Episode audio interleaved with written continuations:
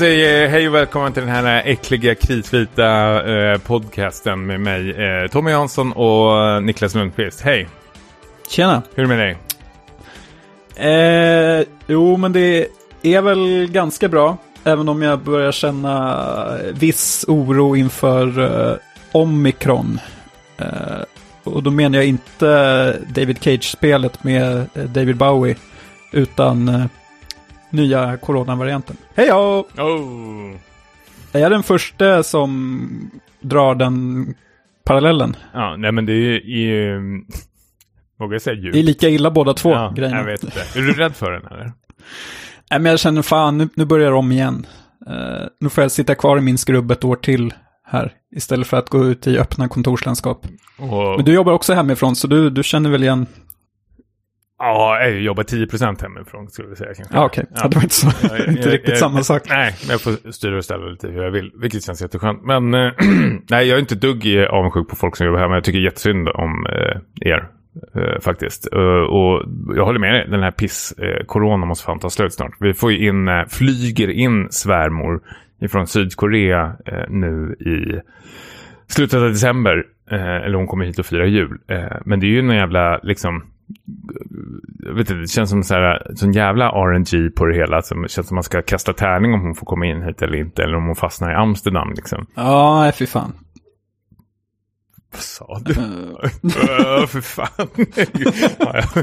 Välkommen till plus 40-podden.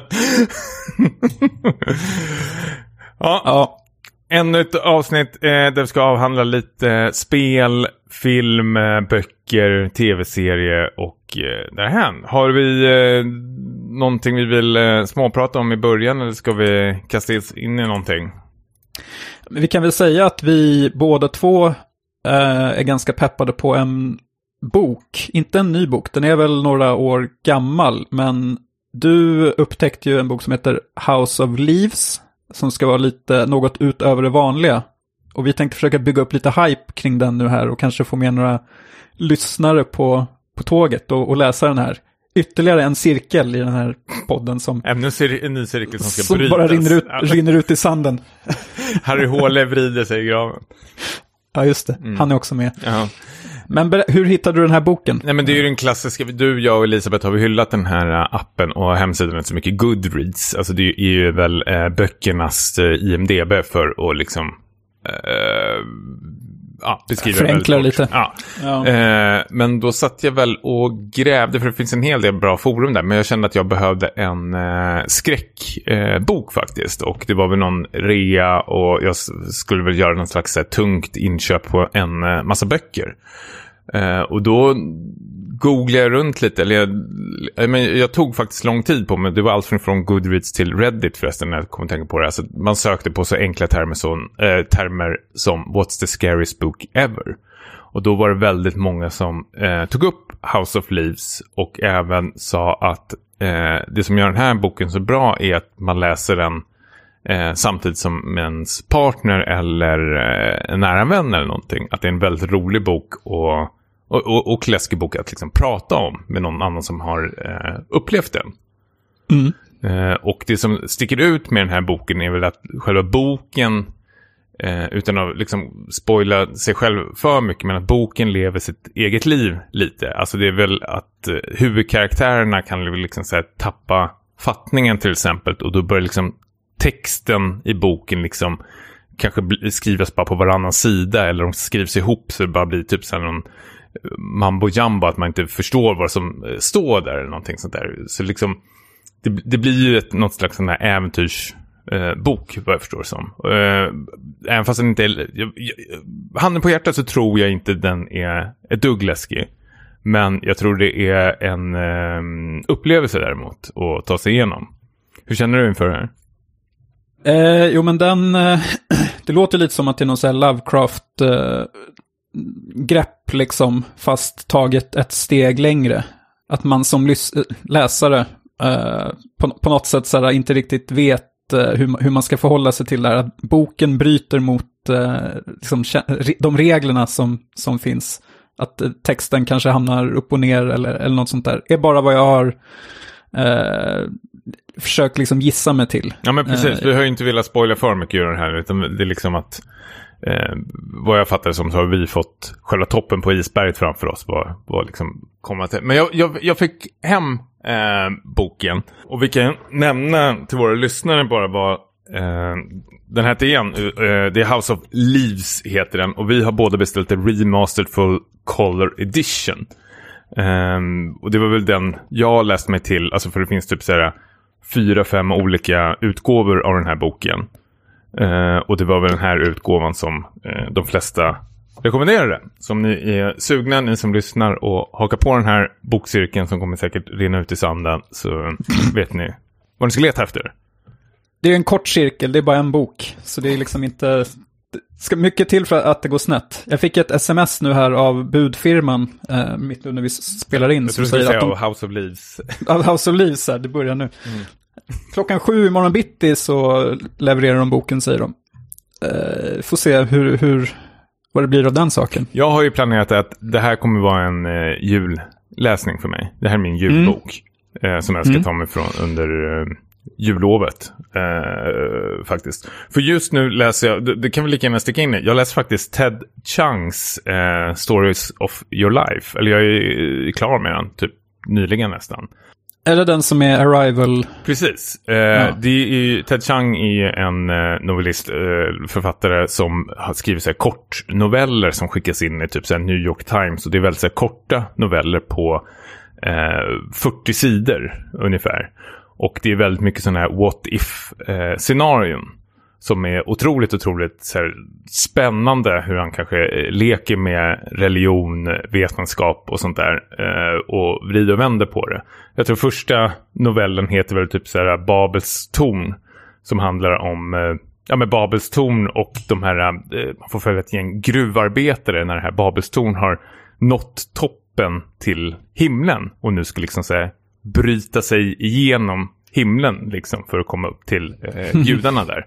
Och så får man Mm. följa liksom den här resan upp genom Babels torn och typ så här, folk liksom så här, skapat byar och sånt där på vägen upp och sånt där. Vä väldigt, väldigt eh, tuff eh, läsning. Men jag läste ju ehm, eh, The Story of Your Life eh, som heter Arrival, filmversionen som Denis Villeneuve gjorde en eh, eh, tolkning på. Otroligt, otroligt alltså gåshudsnovell. Alltså, jag, alltså man ska nästan köpa boken bara för att läsa eh, just den novellen. Den skiljer sig lite grann ifrån eh, filmen. Men i korta drag så handlar det liksom om eh, fri vilja och eh, runvarelser som kommer till eh, jorden och man får följa den här forskaren som ska liksom så här, eh, förstå deras liksom eh, vad ska man säga, språk, lingon. Det kallas för någonting, jag kommer inte ihåg vad det, vad det heter. nu När man... Lingvistik? Lingvistik, eller? tack, precis. De andra novellerna som du har läst i boken, är de också så här liksom filmiska som eh, den som blev Arrival? Eller är de lite för konstiga? Eh, alltså The Story of Life är absolut inte filmisk och jag är ju så superimponerad nu att eh, Denis Villeneuve har liksom plockat upp den här och gjort en film av den. För om jag hade läst boken eller novellen först innan jag hade sett filmen så hade jag nog sagt att det är omöjligt att göra film eh, på det här. Men eh, som vi redan har liksom sagt i den här podcasten tusen gånger så är den Villeneuve någon jävla stjärna. Han tar ju på sig de här omöjliga projekten och lyckas ro hem dem eh, i alla fall. Eh, och även fast hans version sk- eh, skiljer sig lite grann så är väl liksom andemeningen eh, detsamma.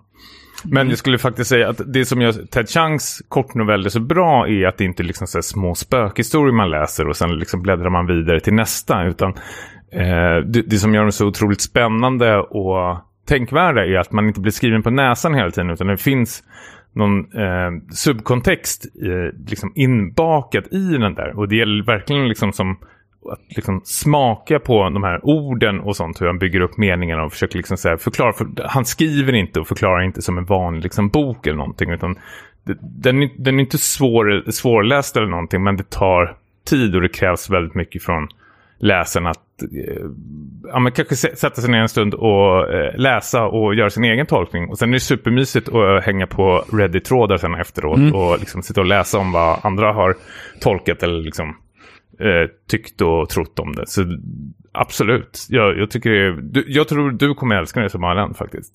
Ett till bra tips. Eh, ska vi hoppa in på spelen? Jag har spelat eh, The Forgotten City, eh, som ursprungligen var en eh, Skyrim-mod, som nu har, eh, det har gjorts liksom ett helt eh, spel av det, en väldigt så här, finputsad version då. Ehm, det, det, handlar om att man, man är en, eh, en eh, person från nutiden då som går igenom en portal och hamnar i en, en stad på, som ligger i o, utkrokarna av eh, eh, romarriket. Och eh, det visar sig att eh, ja, den här staden, det är någon typ av, så här, liksom, alla, alla som bor där är, är fångade i det här och de kommer inte därifrån. De, det är som att de har fastnat i en, en tidsloop. Och eh, det blir då ditt jobb, eh, ditt jobb, att, att du ska, för att ta, ta dig härifrån så måste du eh, prata med alla de här människorna som bor här. Det är 20 stycken till antalet. Eh, så, och hjälpa dem att lösa deras problem. Och sen så småningom så är tanken att du ska skapa en sorts eh, tidsparadox. Så att du på något sätt kan ta dig härifrån för att det skulle vara helt omöjligt för dig att, att befinna dig här. Uh, ja, jag, jag, kan inte förklara det bättre, bättre än så. Men man, Nej, men man, man, kan väl säga att det är liksom utseendemässigt så påminner det ganska mycket om typ ja, men Skyrim eller Fallout. Uh, liksom ser inte så supermodernt ut, men det är, styrkan i spelet är ju definitivt narrativet. Alltså att det är välskrivet. Uh, och jag vet inte, har, har du har du någon koll på det här överhuvudtaget? Ja, absolut. Jag har kollat in eh, det ett eh, flertal gånger. Men det är alltid någonting som för tankarna till uh, Other Worlds. Outer Wilds. Outer Wilds.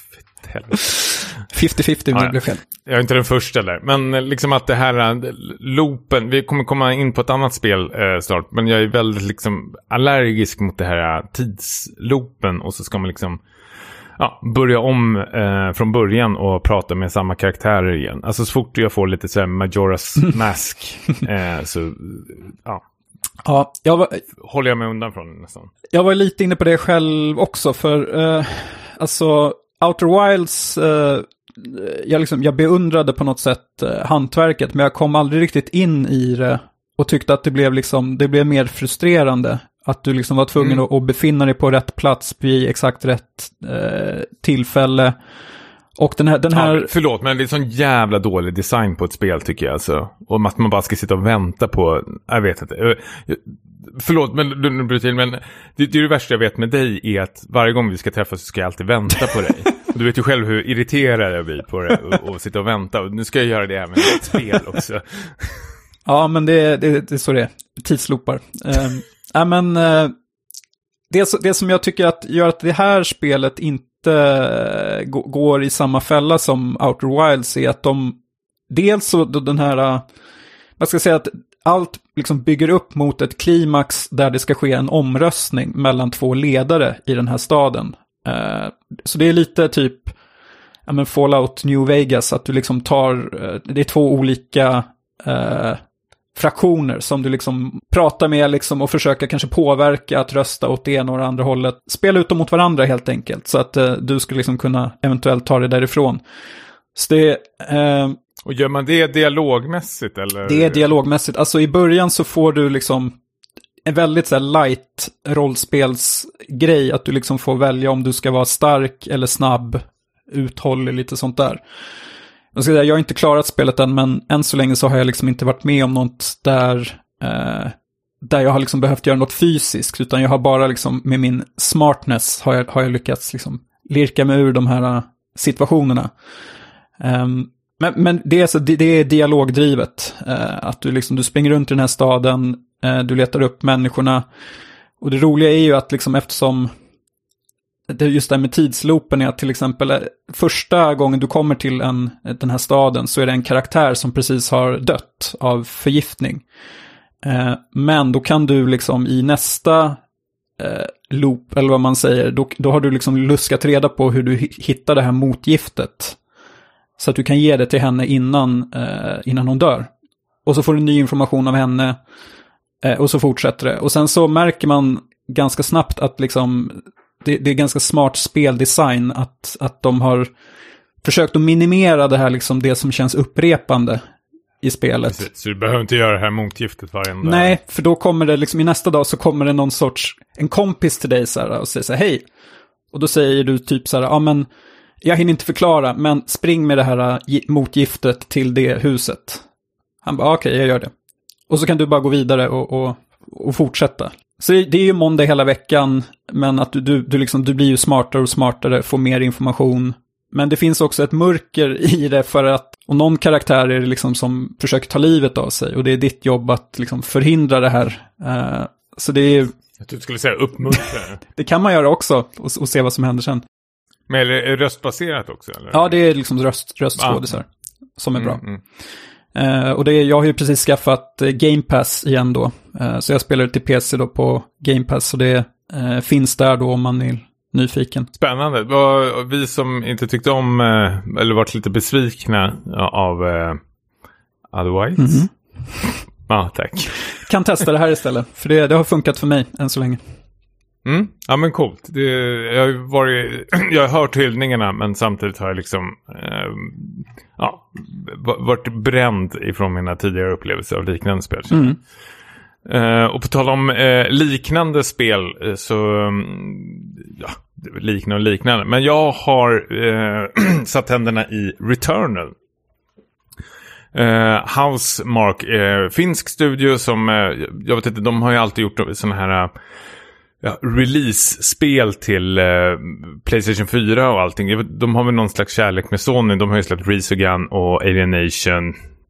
Sen gjorde de kanske Nex-makerna eller någonting sånt där har jag för mig.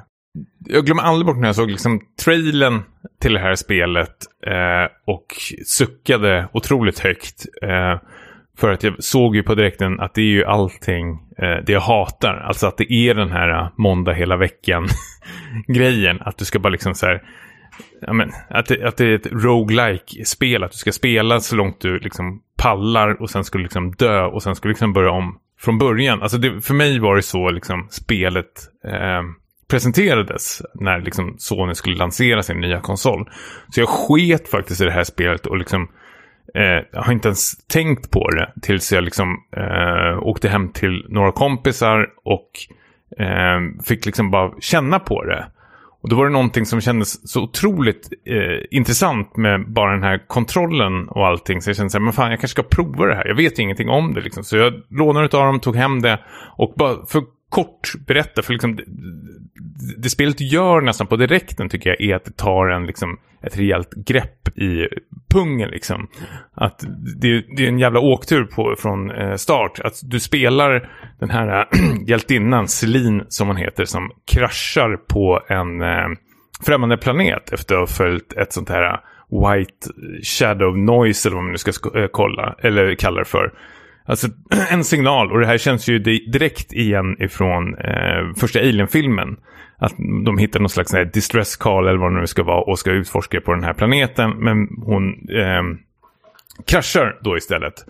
Och då blir det liksom att man tar an eh, hennes kläder för att liksom göra den här... Eh, Ja, det, det, vi ska liksom utforska planeten och se var liksom det här eh, ljudet kommer ifrån. och på den här planeten så finns det något så här parasitliknande monster som skjuter ut massor med kulor som spelet liksom påminner om någon slags så här bullet hell liknande. Men det spelet gör så jävla coolt och intressant nästan på direkten i början är att du på direkten upptäcker din döda kropp liksom. Och eh, som har lämnat efter sig sådana här små eh, ljudmeddelande. Och då fattar ju hon rätt så snabbt att det här är ju hennes kropp och att hon har varit här tidigare i ett annat liv. Och sen när man dör första gången så fattar ju hon också att hon liksom blir på nytt född i den här världen. Och desto längre in du kommer i den här världen så hittar du mer och mer liksom sådana här pusselbitar. Där hennes tidigare liv har liksom varit alltid så steget före och försökt liksom förklara vad som har hänt på vägen. Mm. Eh, även så hittar man hennes liksom, hus eh, helt liksom, malplacerad i den här världen. Och då liksom, förvandlas det här spelet till någon slags first person-spel där du går runt lite som PT demot Mhm. i ett hus och utforskar hennes liksom, förflutna. Så man vet inte liksom hur det här, jag har inte spelat klart det än, men man vet inte hur det ska tolkas om hon liksom har någon slags masspsykos eller någonting sånt där. Alltså spelet har så mycket eh, mer att berätta än att det bara är ett liksom, actionspel. Men till själva spelandet så är det så otroligt, otroligt liksom beroendeframkallande. För varje spelomgång så börjar ju alltid med liksom en usel pistol. Och sen liksom desto längre in du kommer så hittar du nya vapen och kan uppgradera dem och få nya attributer på vapnen. Och sånt stannar med även fast du dör. Så liksom, när du har levlat upp ett vapen och hittar nya attributer på det så får du liksom med det till nästa spelomgångar. Så du börjar ju inte alltid liksom direkt på noll. Mm. Plus att du lå- låser upp nya liksom, färdigheter som gör det, liksom, tar, eh, tar igenom liksom, lättare nästa runda. Men spelet, liksom, som jag inte varit med på så otroligt länge, det har sån otroligt, otroligt liksom, tight spelkontroll. Alltså det är så sjukt kul att springa runt i den här världen och bara skjuta de här rundvarelserna, utforska och sen finns det liksom Eh, spelet kan till exempel varna att om du går igenom den här dörren så är det liksom, får du en väldigt high reward. Men det är väldigt, väldigt svåra fiender här inne. Och då blir det där bettingen man ska göra med sig själv. Mm. Att ska jag gå in här och liksom kanske få ett liksom uppgraderad pistol. Men jag kanske råkar dö istället och så måste man börja om från början. Och jag har ju spelat här parallellt med eh, två andra kompisar som faktiskt plockade upp det helt eh, ja, apropå, vi, det var ingenting att vi lyckades synka, eller vi bara lyckades synka varandra. Eh, och har liksom pratat med varandra eh, sinsemellan om det här. Och de är liksom minst liksom in, eh, liksom, ja, älskar det minst lika mycket som jag gör. Och det är väldigt svårt att alltså, förklara vad liksom storheten i det här spelet är. Men jag tror det är liksom att storyn är ju helt jävla otrolig. Alltså det är ju typ så här Prometheus vi aldrig fick. Och plus den här Alien-världen som man springer runt i hade du, vet jag, älskat som bara den. Alltså den är otroligt, otroligt stämningsfull och det är väldigt, väldigt så här, tuffa eh, monster som man slåss mot. Um, Men om vi, Ja. om vi tar det här då som hela måndag hela veckan-grejen och, och roguelike och det här med att liksom eh, när man är ute på en run och, och misslyckas, kanske på precis på sista steget. Eh, så att du Mm. liksom, hur, hur mycket progress kan du tappa? Kan det vara liksom en timme eller är det typ 20 minuter eller? det kan ju vara två, tre timmar. Har det hänt dig då eller? Ja, absolut. Alltså, men ja, det jag känner med det här är att det, när jag pratar med också vännerna för att liksom stämma av det nästan, är att det är, eh, det är kul att börja om. Alltså det är kul att wipa. Det är, för liksom världen görs om, så det finns nya saker att utforska. Men liksom, det man ska kanske förklara också, att den här världen är uppdelad i liksom fem, sex stycken subvärldar. Så när du klarar en boss så låser du upp nästa subvärld.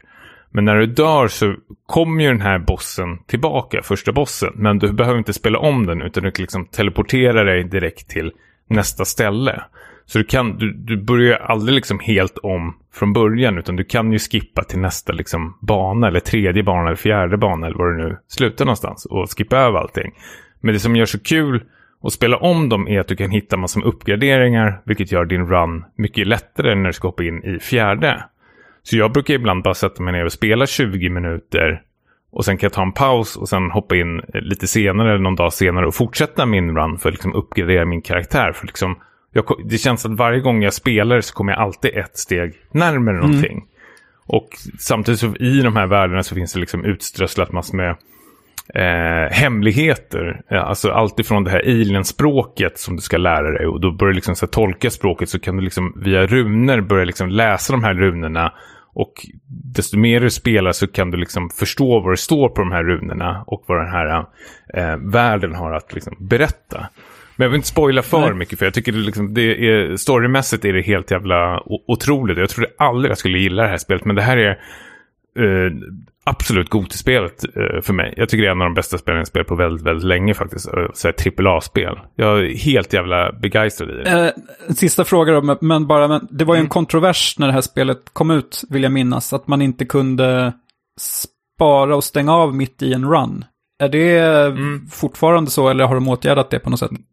De har åtgärdat det. Alltså grejen var att spelet inte lät det förut Alltså om du skulle ta en paus, vilket också var en sån där anledning till varför jag bara sa, det här orkar inte. Alltså, du, om, om, du skulle ta en paus så var du tvungen att, att stänga av konsolen. Eh, då, liksom, ja, då förstördes din run. Då var du tvungen att börja om från början sen när du satte på det. Men man kunde sätta konsolen på rest mode, vet jag. Och sen när du liksom sätter på konsolen, då var det bara att fortsätta.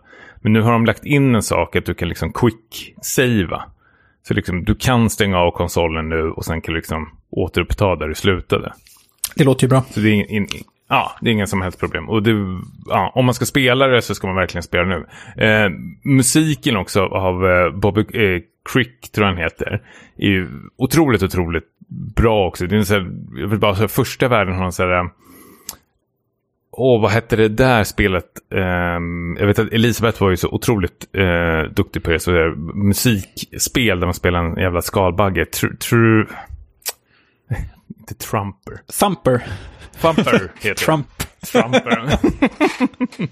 Thumper. Ja. Men att det hade någon sån här konstig elektronisk psykedelisk musik som bara ligger så här pulserar i bakgrunden. Det är någon, det är någon så här, det låter nästan som en ambulanssiren som liksom bara och som är så här otroligt obehagligt men väldigt så här, stämningsfullt för den här världen och passar väldigt mycket in i det. Jag hade aldrig lyssnat på soundtracket liksom ut, utanför spelet men just i spelet så gör det väldigt, väldigt, väldigt mycket faktiskt. Och när man kommer nära, eh, börjar närma sig en boss så känner man att musiken börjar liksom så pumpas mm. upp mer och mer och man liksom börjar svettas om händerna och sen börjar man lukta äckligt under armen. Nej men jag, jag, eh, du som inte har eh, Playstation mm. 5 Niklas, jag, jag tycker absolut eh, att du ska köpa ett Playstation 5 bara enbart för det här eh, spelet. För mig är det liksom så här, om man, om man tvekar på om man ska köpa ett Playstation 5 eh, för att liksom ha ett, e, liksom ett, vad ska man säga, ett Playstation 5-spel, mm. då ska man absolut spela Returnal. Och man, jag säger Returnal, exakt samma sak som Dark Souls-spelen att man behöver absolut inte känna att man ska liksom spela igenom det eller klara det. Men jag tycker ändå man ska liksom plocka upp det och känna på det. För det är något eh, unikt med bara spelkontrollen och själva upplevelsen och allting. Det är sån otroligt, otroligt jävla tight eh, kontroll alltså. Fem plus alltså? Det är fem plus, ingen snack om saken. Det är otroligt, otroligt. Och vi som gillar liksom Alien-filmerna och sånt där så är det väldigt fina liksom blinkningar och homager. Mm. Eh, faktiskt. Ja, jag är peppad. Riktigt peppad. Mm. Ja, men härligt. Eh, ja, sen har vi ju, eller du har ju spelat ett högaktuellt spel som det har stormat lite kring. Eh, Battlefield 2042. T yes, Take man. it away.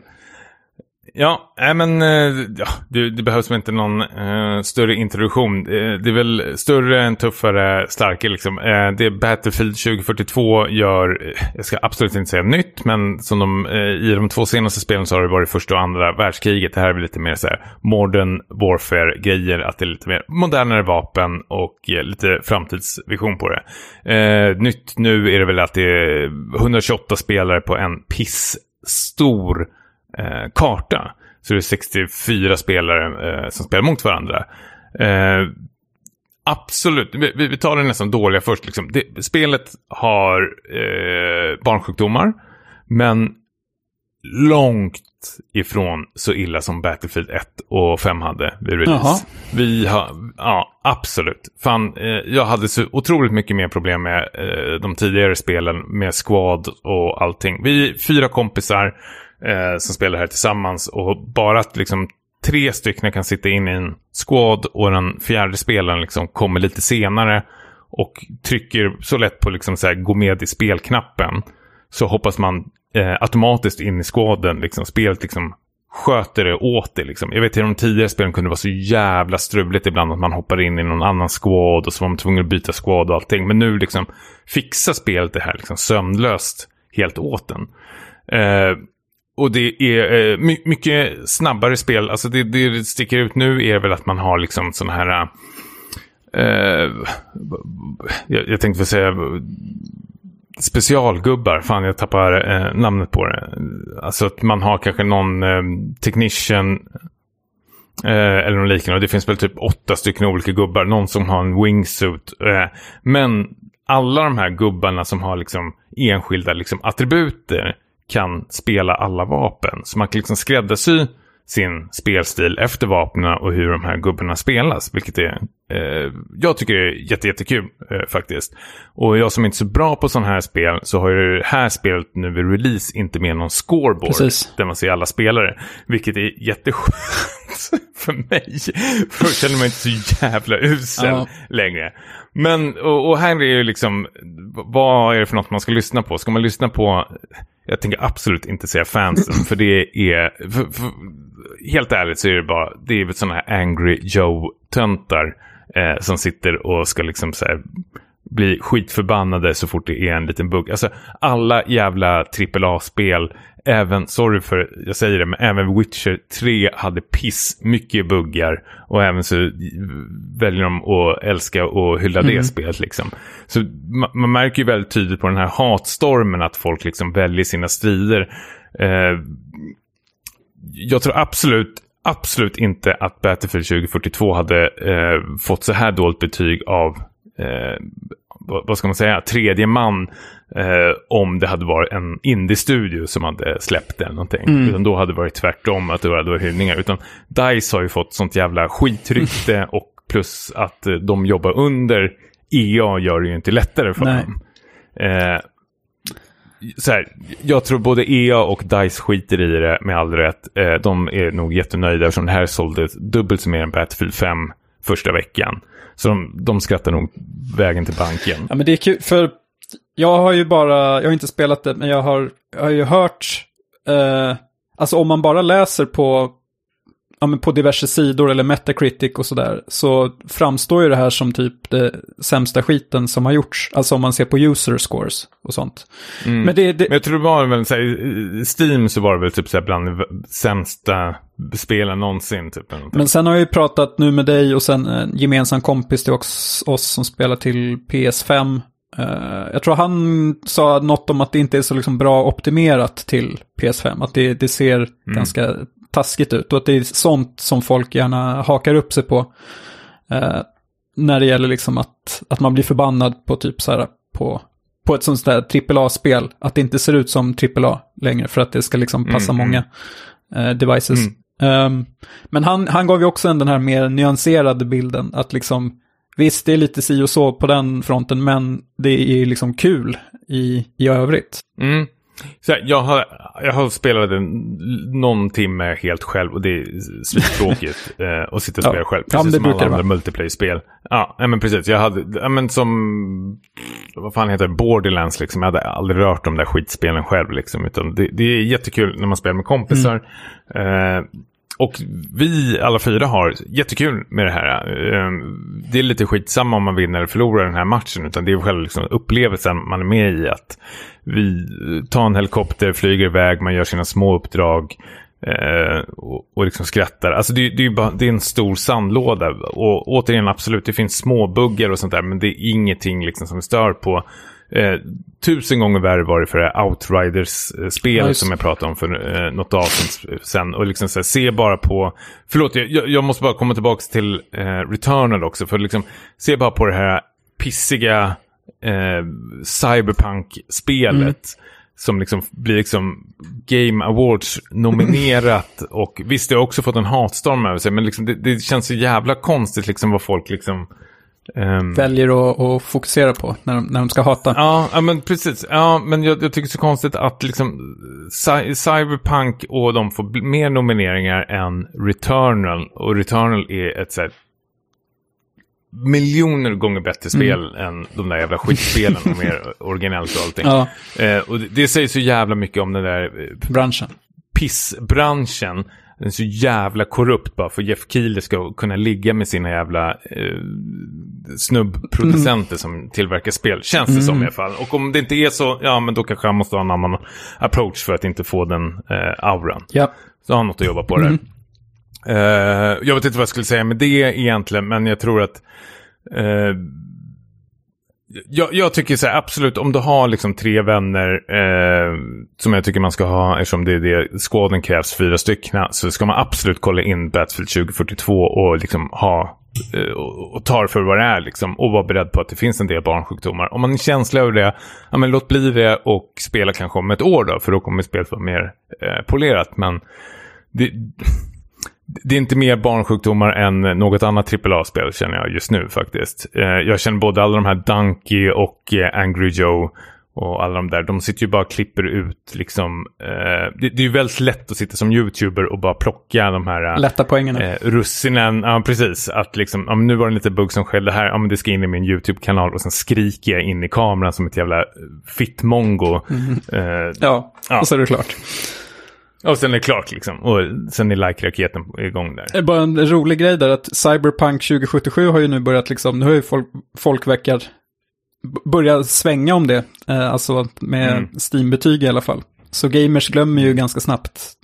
Ett år bara så. Men de förlåter aldrig. Glömd men inte förlåten. Nej, men det, det, är väl, eh, alltså så är det ju alltid med spel, alltså när det är nyreleaser på det, att det ska liksom det ska bli sån jävla hatstorm eh, och särskilt när det är så stora spelstudios. Och visst, man kan väl liksom prata om liksom så stora spelföretag och kapitalism och allting sånt där. Att de bara utnyttjar och sånt där. Men man måste kunna, vad är det för något man recenserar? Recenserar man liksom arbetssättet de har på kontoret eller recenserar man själva spelet? Hur det är liksom? Jag tycker det är en så viktig grej att kunna liksom skilja dem åt liksom.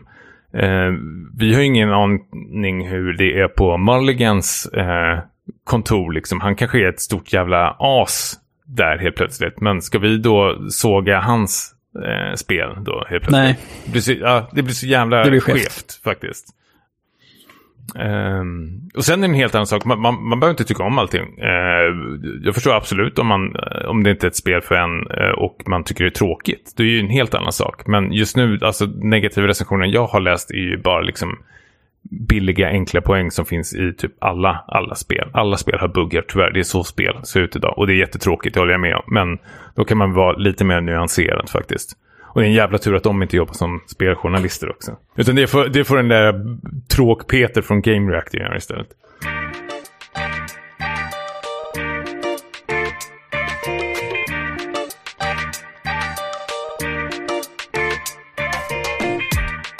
Yes, vi hoppar vidare till tv-serier och jag har sett eh, Apple TVs storsatsning Foundation. Eh, vi brukar ju prata här i, i podden om huruvida man ska hoppa på serier så här snabbt. I, i det här fallet är det ju en, en eh, bokserie av Isaac Asimov som, eh, som de har sagt att de skulle behöva. Jag tror showrunnern har sagt att han vill ha typ åtta säsonger på sig för att liksom göra det här rättvisa. Mardrömsklockorna ringer på dig. Eh, första säsongen har nu visats och jag har sett hela. Jag var väl lite så här sugen på en, en påkostad science fiction-serie. Och den är... Dune räckte inte. Det räckte inte. Jag ville ha mer. Jag ville ha Game of Thrones mm. i rymden. Eh, ja. Och eh, det fick jag inte. Eh, Nej. Nej, men... credits. Ja, precis. End credits. Eh, nej, men största problemet skulle jag säga, om vi bara jämför det direkt med Game of Thrones, är eh, om, du, om du minns liksom de första avsnitten där, första säsongen, hur snabbt den lyckades liksom fånga en med, med de här liksom karaktärerna, även om det liksom, de hade ju inte den budgeten, visst det var påkostat, men det var ju först senare som det blev en riktigt eh, liksom, episk serie, men de hade bra karaktärer, det var, bra, det var väl castat, du hittade folk du kunde heja på, hela den biten. Sean Bean. ja, precis. Eh, I Foundation så, så finns det inte riktigt de här färgstarka karaktärerna som jag gärna vill, vill se i mina serier. Det finns vissa undantag, men eh, om man säger han som gjorde mig intresserad var ju då Jared Harris, skådisen, som både du och jag gillar som var så bra i uh, The Terror och eh, Chernobyl, bland annat. Och han såldes ju in typ som huvudrollen här, men han är ju med ganska lite. Eh, han är liksom en sån här som drar in sådana som mig och sen så, så visar det sig att han mer har en biroll. Och så är det lite tråkigare figurer då som, eh, som serien handlar om. Men eh, har, har, du, vet du vad Foundation är överhuvudtaget? Har du läst böckerna eller liksom är du intresserad överhuvudtaget? Jaha, oj, böckerna. Jag tror det var en bok. Jag har en bok här i hyllan. Har du läst den? Nej, absolut inte. Gud. Eller jag började läsa lite, men den är... Äh, jag vet inte. Jag, jag har inte ens någon minne hur den hamnade i min hörlur. Jag tror det var min lillebror som gav den till mig. Eh, faktiskt. Eh. Men ja, det är mycket som ska berättas i alla fall. Om man ska ha så många säsonger på sig. Och jag känner ju inte till liksom grundmaterialet så jag vet inte hur mycket friheter de har tagit sig. Men eh, jag tyckte ändå att typ efter, för det, här, det handlar ju liksom om, om stora, eh, eh, ja men det, det, är episka krig i, i galaxen. Och, och folk reser mellan planeter och eh, i, genom tiden. Det är liksom mycket så här eh, spektakulära science fiction-idéer eh, här. Eh, men som sagt, jag, jag saknar riktigt några riktigt så bra karaktärer ändå att hänga upp det här på. Det, det är bra idéer men eh, når inte riktigt enda vägen fram. Även fast det på slutet blir lite bättre när det känns som att de börjar komma in lite på så här typ interstellar eh, spår. Eh, när det, när det okay. är liksom att en karaktär liksom ska åka själv typ och, och så säger de så ja ah, men okej okay, den här resan kommer ta 50 år och, och du, liksom, du ska in i, i kryosömnen. Så följer vi den här karaktären när hon då vaknar upp på en helt ny plats, en helt ny tidszon och, eh, ja, ja tidszon, minst sagt. Mm. Eh, och då blir det lite mer så här intressant. Um, Men är den rörig på det sättet? Jag tycker de har gjort det ganska bra. Jag, tror, jag har läst att eh, många tycker att den, av fansen då av, av boken tycker att det är för förenklat att komplexiteten har försvunnit lite. Men jag tycker ju att den är liksom, eh, den är enkel att följa med i. Sen kanske det blir desto mer mm. komplicerat längre fram. De har ju fått grönt ljus för en säsong två. Uh, så, mm. så lite mer blir det. Det är det här som, uh, jag är intresserad av det, men det är här som oroar när det är en sån pass um, påkostad uh, tv-serie. Om den liksom så här Ja, men kommer den gå hela vägen? Jag kommer inte nu kommer jag inte ihåg vilken serie, men det var ju någon serie nästan nu alldeles nyss som... Eh, eh, ja, jag tror bara han liksom går halva säsongen som man fick reda på sen eh, att ja, men nu, nu är det, det är nerlagt. Det blir inget mer av det här. Utan ni får se klart. Jo, men det är ju den här Why the Last Man ju. Ja, just det. Då, ja. ja. ja. Eh, och den var ju otroligt påkostad och den eh, baseras ju på en eh, grafisk novellserie eh, som jag har läst som är väldigt, väldigt bra faktiskt. Men sen hamnar den väl i massor med trubbel med, eh, jag vet inte om det var någonting med transpersoner eller transfobi eller någonting sådär. Eh, och eh, jag tror också den hade väldigt, väldigt dålig ratings. Så att den hade väl inte så jättemånga tittare. Mm. Eh, så den var ju liksom bara så fyra, fem avsnitt in. Så liksom, ja, Ströp de det? Cancelade de bara den liksom. Och det var väl ändå så här en, jag kommer ihåg, jag var ju mest, jättemycket posters och sånt för, på, för Disney Plus-kanalen. Mm, just det. Eh, och jag var ju lite sugen på den, men liksom få höra det där, ja, fem avsnitt in. Vad fan, jag är inte ett dugg sugen, jag skiter i det ja, det, det förstår jag. Det är en... Mm. Och det är så jävla läskigt tycker jag. För det är ändå ens egen privattid återigen som ska liksom investeras mm. i det. Det är ju en chansning. Mm. Definitivt. Uh, sen råkade det vara det som jag var sugen på just nu. Och då tänkte jag, ah, vi, vi kör. Men, men du, du mår inte liksom, för jag kan faktiskt må liksom psykiskt dåligt. Alltså jag kan liksom bli så här, psykiskt misshandlad känns som om jag drar igång en serie och så säger de så här, nej men det blir inget mer av det. Och så råkar jag tycka om den. Alltså om vi leker nu med tanken att du har dragit igenom The Foundation nu, eh, som du har gjort första säsongen, och känner så här, men det här vill jag se mer utav. Men så säger de, nej men det blir inget. På något sätt... Blir du inte irriterad eller liksom så här, går du bara vidare? Jag blir nog lite störd av det. Sen tycker inte jag att det här är en 5 plus-serie. Så det kan vara så att jag rycker på axlarna och går vidare. Men, jo, men ja, alltså hade med... det hänt med, om vi säger June då, att det inte blivit en part 2. Ja, det precis, hade gjort ja. mig mer irriterad. För där är det ju något som jag verkligen vill se slutfört. Och det skulle kännas som mm. att man aldrig får någon, liksom, något avslut där, bokstavligen. Uh, så det är ju lite jobbigt. Sen, sen är det ju också så här, om alla skulle sitta och avvakta och inte titta på serien så skulle det definitivt inte bli någon, någon säsong två heller. Så några av oss måste ta smällen för de andra, förstår du?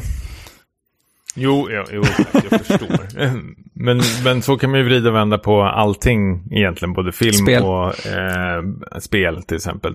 Och det är ju väldigt många som gillar att vara med liksom i, och det förstår jag också att man är liksom med i snacket. Mm. Liksom. Det är nu det mm. händer, nu är den ute liksom. För jag menar, vad fan, ska, ska vi sitta och vänta um, ja, men, åtta år och så ska vi börja prata om Foundation. Våra lyssnare kommer liksom skjuta oss. Vi, vi ska förstås prata om Mr. Robot alldeles strax. ja, en urgammal serie.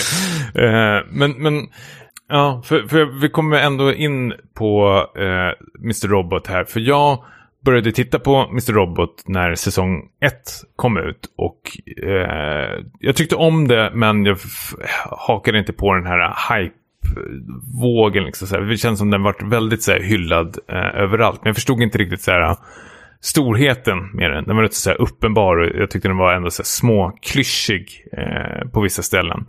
Eh, kändes som en så här, dålig remake av Fight Club på, ibland känner jag. Eh, och jag har ju absolut absolut ingen så nostalgisk eller härlig koppling till Christian Slater. Jag tycker han är rätt eh, dålig. Eh, han, han har väl inte gjort någonting bra förutom Broken Arrow. jag trodde du skulle säga True Romance, men ja. Nej. Jaha, den är väldigt okay. tråkig. Mm. Ja, ja, jag har inte sett det på jättelänge. Jag tror inte den Nej. håller idag. Nej, men eh, sen eh, vart det lite snack på min arbetsplats och det var några som eh, plockade upp den och jag hakade på mig. Jag var inte så jättesug för jag hade glömt bort eh, eh, första säsongen. Det ska ju sägas att Mr. Robot släppte, har släppts fyra säsonger och den är avslutad eh, till och med. Det var väl så 2019 när den gick i mål eller någonting sånt där. Så den har inte några år på nacken, men något år på nacken i alla fall. Men då hittade jag, alltså det är något som jag har ändå gillat, eller men tanken med är sån här recap som HBO och sånt brukar släppa inför sig Game of Thrones. Mm. Men de brukar vara så jävla usla. För recapsen är ju bara liksom ett montage av massor med scener som liksom uppstaplar på varandra. Så du, du fattar inte vad som händer utan det är bara karaktärer som liksom säger Oh no, what's happening? Mm. Men då YouTubade jag Mr. Robot Recap säsong 1. Och har hittat en ny favorit, eh, vad ska man säga, content maker, alltså en, en um, user på YouTube som heter Mr. Recap. Som recapar eh, säsonger utav tv-serier. Mm. Och han gör det på sånt jävla karismatiskt och härligt sätt.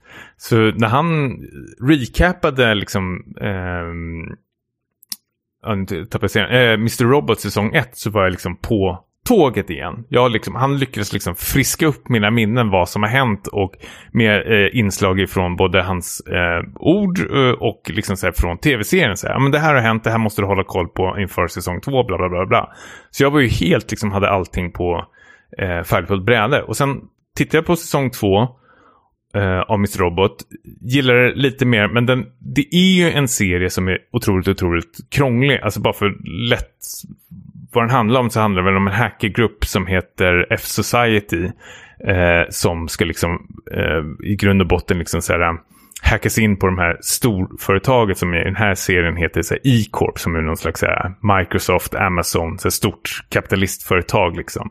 För att liksom nollställa liksom människornas eh, skulder liksom. Alla skulder som folk har. Liksom. De, de, ska bara reboota hela skiten. Och det här är ju egentligen bara liksom, så här, grunden till vad Mr. Robot är. För liksom, desto mer vi tar oss in i den här serien så växer det till något otroligt, otroligt mycket mer. Och den är från att gå från 3 plus så har jag varit med om en serie som går liksom till 5 plus. Alltså jag sitter ju och hoppar hoppar i soffan av liksom, så spänning. Den, är, den, alltså, den, den, den förvandlas från en någon slags så fjantig drama-action till en liksom, så här, otrolig så spionage-thriller.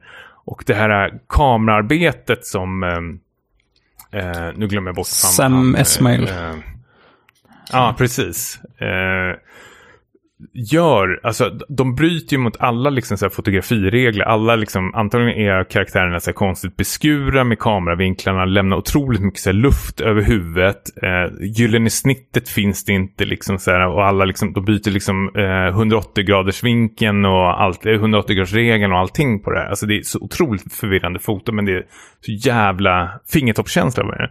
Men sen finns det ju vissa avsnitt som verkligen, verkligen sticker ut som det är ju inte en one shot, one take. Men liksom, an, liksom, känslan är liksom att den här kameran liksom sveps över en massa med kontor och olika händelser när de ska liksom infiltrera i sådana här stora företagsbyggnader som är så jävla snyggt eh, gjorda. Alltså. Eh, och skådespelarna och allting är verkligen på topp och växer och växer desto mer eh, man kommer in i den här serien faktiskt. Och nu är jag inne på eh, precis i slutet på säsong fyra. Men jag känner redan nu att det, det är bland det bästa jag sett på väldigt, väldigt länge faktiskt. Eh, och att det var så skönt nu att man vet att säsong ett behövs där. För det är liksom en lång prolog liksom. Nu med i facit i hand så är säsong ett mycket, mycket bättre. Och Mr. Recap gjorde ett jävla dunderjobb. Jag har ju till och med när jag sett säsong två och tre utav Mr. Robot så har jag gått in på Mr. Recap så har han fått liksom återberättat igen för jag är helt kär i honom. Plus att jag börjar titta på tv-serier nu som han får återberätta till mig som jag redan har sett förut. Jag kan oh, rekommenderar Mr. Recap. Mr. Recap och Mr. Robot. Eh, jag vill bara säga, jag såg Mr. Robot, ehm, ja men det var väl för två år sedan då som jag såg klart det. För mig, för mig var det lite olyckligt och för många andra för att det var ju ett glapp mellan tredje och fjärde säsongen på två år nästan. Eh, som gjorde väl att man tappade tråden lite. Och jag tror inte jag kollade på någon sån här recap-video innan då eh, säsong fyra drog igång. Förlåt, jag måste bara eh, rätta mig här själv. Man of Recap. Man of Recaps, okej. Ja, jag vill bara klargöra det. Och gå in och ge honom en eh, subscription. Det är han fan värd alltså. Ja. Eh, men, men att, eh, ja men som du säger, det, den växer ju. Jag, gillar, jag gillade det ju från början, men det, det blir ju en helt mer, mer komplex serie ju, ju längre den går. Och det känns ju som att, för jag gick in när jag såg att du ville prata om det, att du alltså gick in och kollade på lite sådana här recaps-videos för att se hur, hur det var, hur det, hur det slutade och hela den biten. Och då blev jag nästan sugen på att se om hela serien i, i ett bräde, för att det känns ju som att Mm. eh, han har haft liksom en, en plan eh, sen första början hur han ska ta det här i mål. Och att den, den är liksom Precis. sammanhållen och att det stegras hela tiden. För jag pratade lite snabbt med dig när jag satt och tittade igenom den här serien. Och då sa väl du något i stil med att säsong tre är den svagaste. Men jag tycker nästan den är den bästa. Och jag vet inte om det är det, det du säger. Att den liksom, den eh, knyter ihop alla frågetecken ifrån säsong två så otroligt mycket. Men den ställer så eh, andra eh, viktiga frågor eh, ännu högre. Alltså den, den är superknasig säsong Mm. tre. Alltså det, det är, jag, jag eh, hänger med kanske typ så 10% av vad som händer känns det som. För den går, det går så snabbt. Men inte på ett dåligt sätt. Men det är så kul när man går in på TV Time och betygsätter ett avsnitt. Och då börjar alla liksom, de här kommentarerna dyka fram och vad alla andra tyckt. Och alla är typ så här, vad fan är det som händer med den här serien? Och man känner sig inte helt eh, ensam då. Utan det är liksom eh, skaparens liksom eh, ja, men vision då att den här tredje säsongen ska vara super superkonstig. Liksom, att vi ska känna oss väldigt så här, förvirrade hela säsongen. Eh, karaktärer som pratar om någonting som liksom, man har ingen aning om har, om det har hänt eller liksom, vad fan är det som händer. Och den är väldigt så här, okronologisk av sig också. Så det gäller verkligen hänga med liksom, om det är liksom, dåtid eller nutid. Men det är superspännande eh, koncept. Liksom, är det. Ja, jag, jag har bara goda saker att säga om. Det är en serie som slutar på topp. Eh, det är inte så ofta som det händer att eh, det blir ett väldigt tillfredsställande slut. Så jag ser fram emot att höra dina teorier sen när, när du har tittat klart på allt. Ja, men är... Förlåt, det var någonting jag skulle säga. Eh, men får inte du också den här eh, Breaking Bad-känslan när man såg Breaking Bad, alltså mot slutsäsongerna där, att den har, den har ju byggt upp till någonting väldigt stort och, och nu sitter man liksom bara och hejar. Ja, eh, nu får man vägen, belöningen liksom. för, att, för att man har Ja. sett i slutet. Eh, Och jag vill, fan, nu har jag glömt bort vad hon heter. Ehm, jag måste fan go, eh, googla eh, fram henne. Um, Portia Dub... Fan, vet jag inte hur vi uttalar den. Doubleday. ja, som, som spelar Eh, Angela, Angela. blonda. precis. Jävlar Mm. vad bra hon är alltså. Fy fan alltså. För hon gör ju någon slags heist-scen liksom där hon har liksom hon, hon har ett helt avsnitt för sig själv när hon ska infiltrera en eh, byggnad och liksom den här kameran liksom följer henne. Och det, jag satt som på nålar under den serien. Alltså. Fy fan vad snyggt Mm. gjort det var. Alltså. Det var så jävla bra. Nej, gåshud alltså. Fan, henne vill jag se mer Ja. sen. Ja, det var riktigt snyggt. Men jag måste ändå fråga också, nu när vi ändå, för jag har varit jätteintresserad av eh, Sam Esmail. Han ville ju göra fem säsonger av Mr. Robot, sen så att jag läste massor med intervjuer om honom och någonting sånt där. Har du tittat någonting på Homecoming? Jag har sett första säsongen eh, med Julia, Julia Roberts. Roberts. Den är svinbra. Ja, d- den är ett, en varm rekommendation och det är också, tror jag, Du tänkte säga fem plus det? ja men det är det, är det typ. Eh, jag ska inte... Ja, det är det! Jag tycker att den är 5 plus. Den är... Det är typ så åtta avsnitt som är typ bara 30 minuter vardera också. Så den går snabbt att, att tugga igenom. Jag har däremot inte sett säsong två, för jag tyckte att de, det slutade så bra i säsong ett. Så att... eh, Men de är väl fristående vad jag fattar det? Ja, fast det är lite återkommande karaktärer eh, å andra sidan. Men eh, ja, eventuellt att jag ska se säsong två någon gång, men, men jag tror Men att... vadå, jag förstår inte varför för något, vad är det för något som stoppar dig? Om säsong ett var så bra. Ja, men den här, säsong två har ju fått mycket sämre kritik. Ja, men, eh, men titta på eh, första säsongen på Amazon Prime eh, av Homecoming, när du är klar med Mr. Mm. Robot, för den är minst lika bra, tycker jag. Ja, men då blir, den, den ska jag lätt se då. Då ska jag se den till eh, nästa avsnitt. Ehm, sen att han även håller på och blanda sig in i någon sån här Battlestar Galactica Jaha, remake nu. Eh, ja, det ska bli väldigt spännande eh, att se hur den går faktiskt. Du hatar ju Battlestar Galactica. ja, jag vet inte vad som händer där. Nej, men det och, eh, förlåt, jag måste, nu när jag ändå har det framför mig, eh, Metropolis ska han göra också. Alltså Fritz Langs gamla stumfilmsfilm eh, film ska bli någon slags miniserie eller någonting. Jag tycker det låter jätteintressant faktiskt. Coolt. Mm. All right. Eh, hörru, Mhm. jag fick ett meddelande från dig, Nasen. att du ville liksom kåta till the Christmas spirit. Japp. Stämmer. Och sa, nu måste vi se 8-bit Christmas. Bara, det, bra, bra snack kommer det vara. Eh, det, det, det är jul och det är tv-spel. Och det är den där eh, roliga bögen som du tycker. Nej, det har jag inte sagt. Du menar Neil Patrick Harris från eh, How I Met Your Mother? Jaha, du fattar exakt vem det var. Ja, ja, ja. Men... Mm. Han är väl den enda, enda i, i den här filmen. Bögen. Det jag ville ha var nostalgi och julmys. Mm. Eh, men varför valde du den här då? 8-bit Christmas, eh, som vi har sett på HBO Max för övrigt, om, om man vill se den här filmen. Eh, nej, men eh, jag ville väl se den för att eh, hemma hos mig så har man ju haft, alltså, jag, jag har haft mina favoritjulfilmer som jag har sett om varje jul. Det var väl länge ensam hemma, ett och två då, som var mina favoriter. Nämn inte Die Hard, den podcasten är vi inte. Nej, jag tänkte säga ett päron till farsa firar jul. Så, som i så fall är min go-to-film. Tänkte, men jag brukar alltid ge en ny film eh, en chans eh, att liksom slå sig in bland de här klassikerna. Och eh, eftersom det också handlade om eh, tv-spel, eller ja, Nintendo 8-bitan. Eh, en, en pappa då som berättar för sin dotter hur det gick till när han skaffade sin eh, Nintendo 8-bitars konsol. Så tänkte jag att den, den var lämplig att ta upp här också. Eh, och eh, ja, vad fan ska man säga? Nej, men jag tycker vi kan gå rakt på sak. Alltså det, det, det är ett gäng eh, barn som ska samla ihop pengar till en eh, konsol. Eh, typ. Det känns nästan som en Playstation 5-grej. Alltså storyn är... Men jag tycker, jag tycker vi ska lägga fokus på något helt annat. Du och jag är ju typ uppvuxna med den här tiden. Mm. Eh, jag, måste, jag måste veta för det, bara för våra lyssnare ska eh, känna till din och min relation här. Du och jag är uppvuxna i samma område, radhusområde i Hässelby. Ja. Eh, med varsina nazistföräldrar. Nej.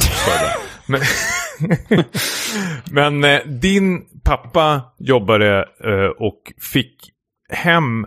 Hur, hur, hur fick du hem? För du fick ju konsolen först av alla i området vet jag. ja, Har du något minne av det här? Jag har ett minne av att eh, vi hade en ColecoVision och sen så mm, spelade vi mycket på den, men sen så kom Nintendo 8-bitan eh, med Super Mario Bros då som eh, flaggskepp och min pappa jobbade i skivbranschen och kunde därmed byta till sig eh, tv-spel då med CD-skivor. Som var liksom eh, hårdvaluta på den tiden, inte så mycket idag. men då så. Var- Då, dåtidens bitcoins. Då. Ja, precis. Helt värdelöst idag. Eh, och det skapa, skapade ju viss avundsjuka hos grannbarnen i det här området. Nej, det gjorde det väl inte.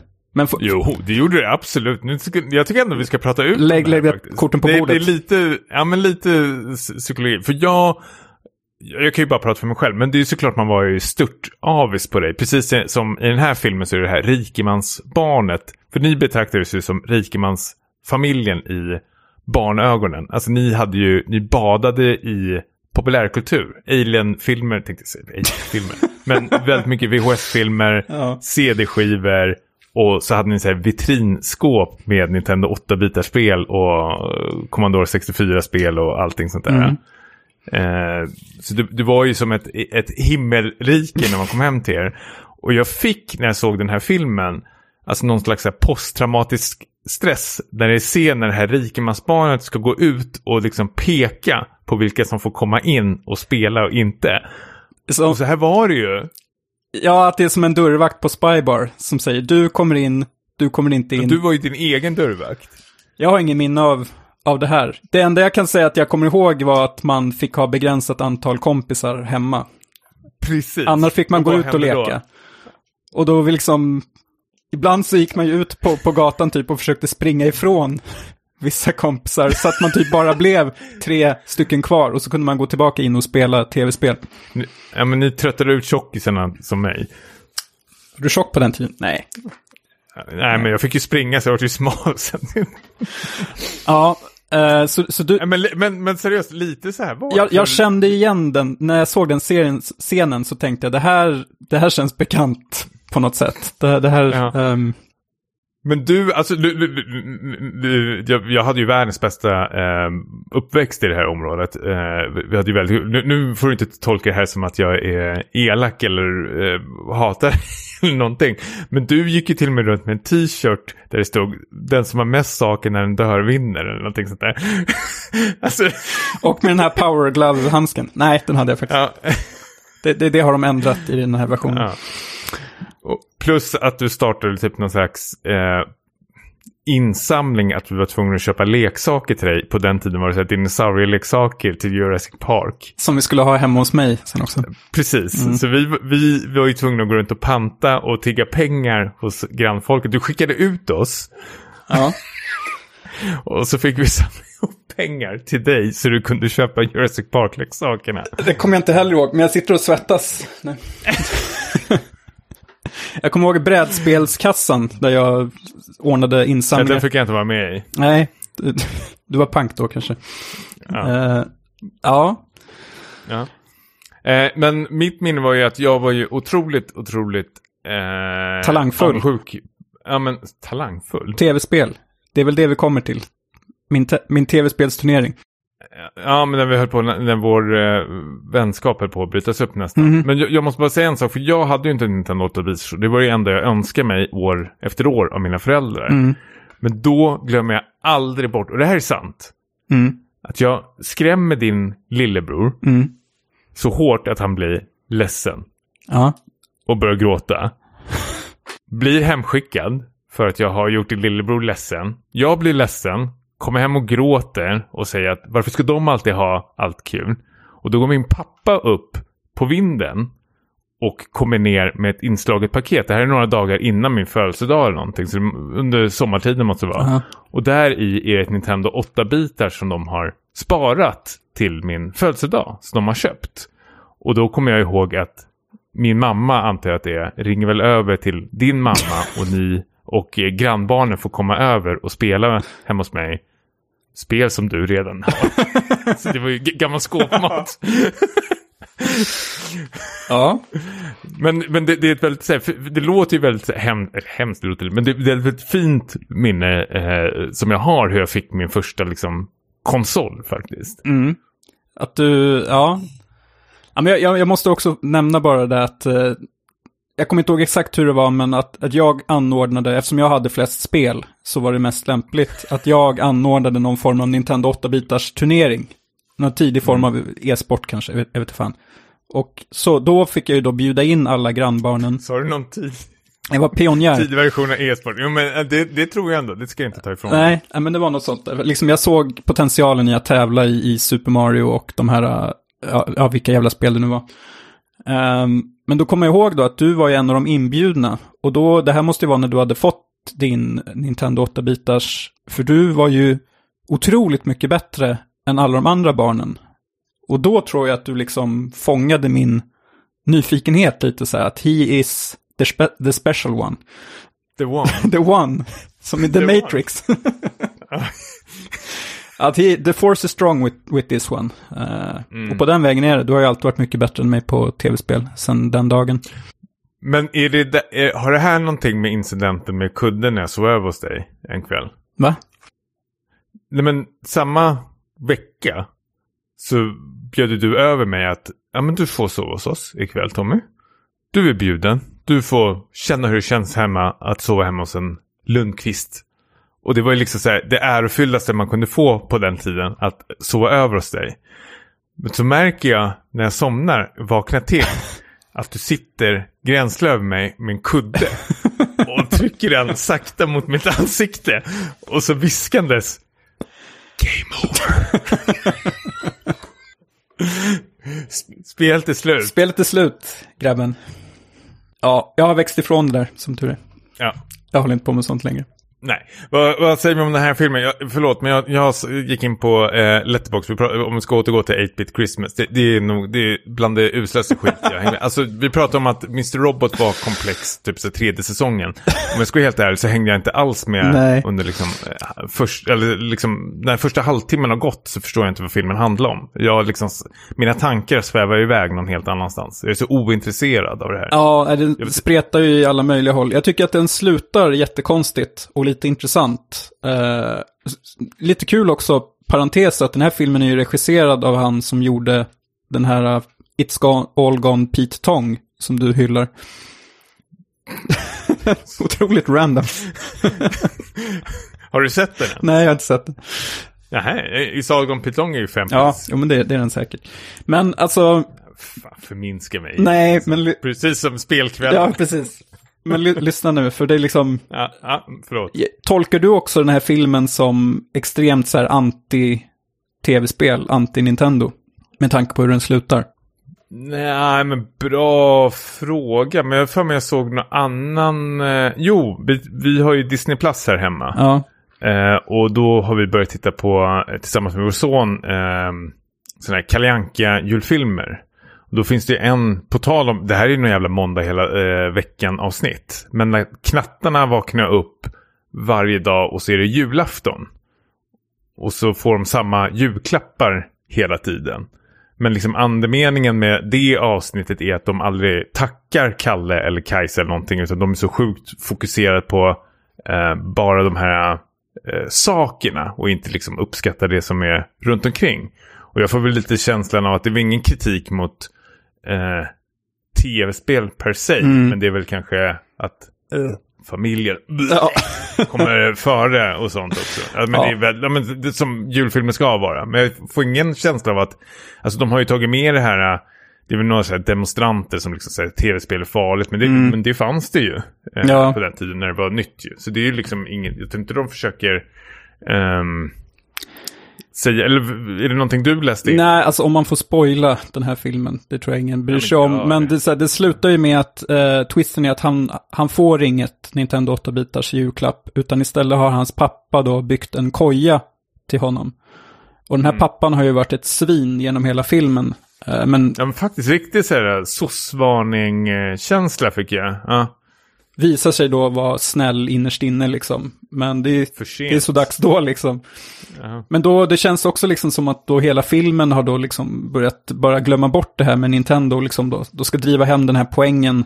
Eh, att, ja men så det, familjen, familjen är liksom först. Och sen så får man ju se i modern tid, då har den där pappan gått bort då.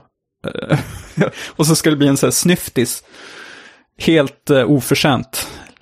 Nej, jag kräktes som bara. Jag tycker det är så konstig titel på filmen också. 8-bit Christmas. Ja. Vad vill den säga ens med det? Liksom, alltså, det, eh, för, jag måste också så här, um, kritisera, och det gäller även så här, tv-spelspodcast, men det här Alltså något som är så jävla vidrigt med eh, spelkulturen är ju den här chipmusiken. Mm. Som blandas med någon slags här elektromusik, alltså modern chipmusik. Som inte ens, alltså för det första lät det inte liksom tv-spelsmusik. Alltså det här, den här filmen har ju sån här chipmusik i bakgrunden. Men den är ju moderniserad. Men jag fattar ju varför. Men det är ju inte coolt. Och det värsta jag vet när man sätter på en spelpodcast och de har liksom modern chipmusik. Att liksom häng med nu för vi har varit upptäck- uppvuxna med det här 8-bitars skiten som vi inte spelar idag utan nu ska vi ändå prata om Call of Duty och annat skit. Eh, men förstår vad jag menar? Alltså, den här... Så här hackig apjobbig musik. Alltså, jag vet, vi har ju varit på de här klubbarna, Syntax error. Syntax Aero-klubbarna, där DJerna får för sig att spela sån här chipmusik och folk äh, går, på, runt på dansgolvet och så här, det känns nästan som så här ironidansar. För det blandas mellan så här chipmusik till, helt plötsligt spelar de liksom Bumbibjörnarna på polska. Ja, det spyr jag på. Och ja, men den kategorin av människor. Ja, har vi inget till övers för. nej, nej, men det, det jag, jag vet inte. Jag, jag, jag blir bara så förvånad att uh, vad, vad, vad, vad man ser i det där. Ja, nej. Det, den här filmen får en tumme ner. Ja, nej, det var en riktig jävla skitfilm. Se, om du ska se en riktig jävla djurfilm, se Die Hard. Alltså. Jävlar. Okej, Ja, god jul. god jul.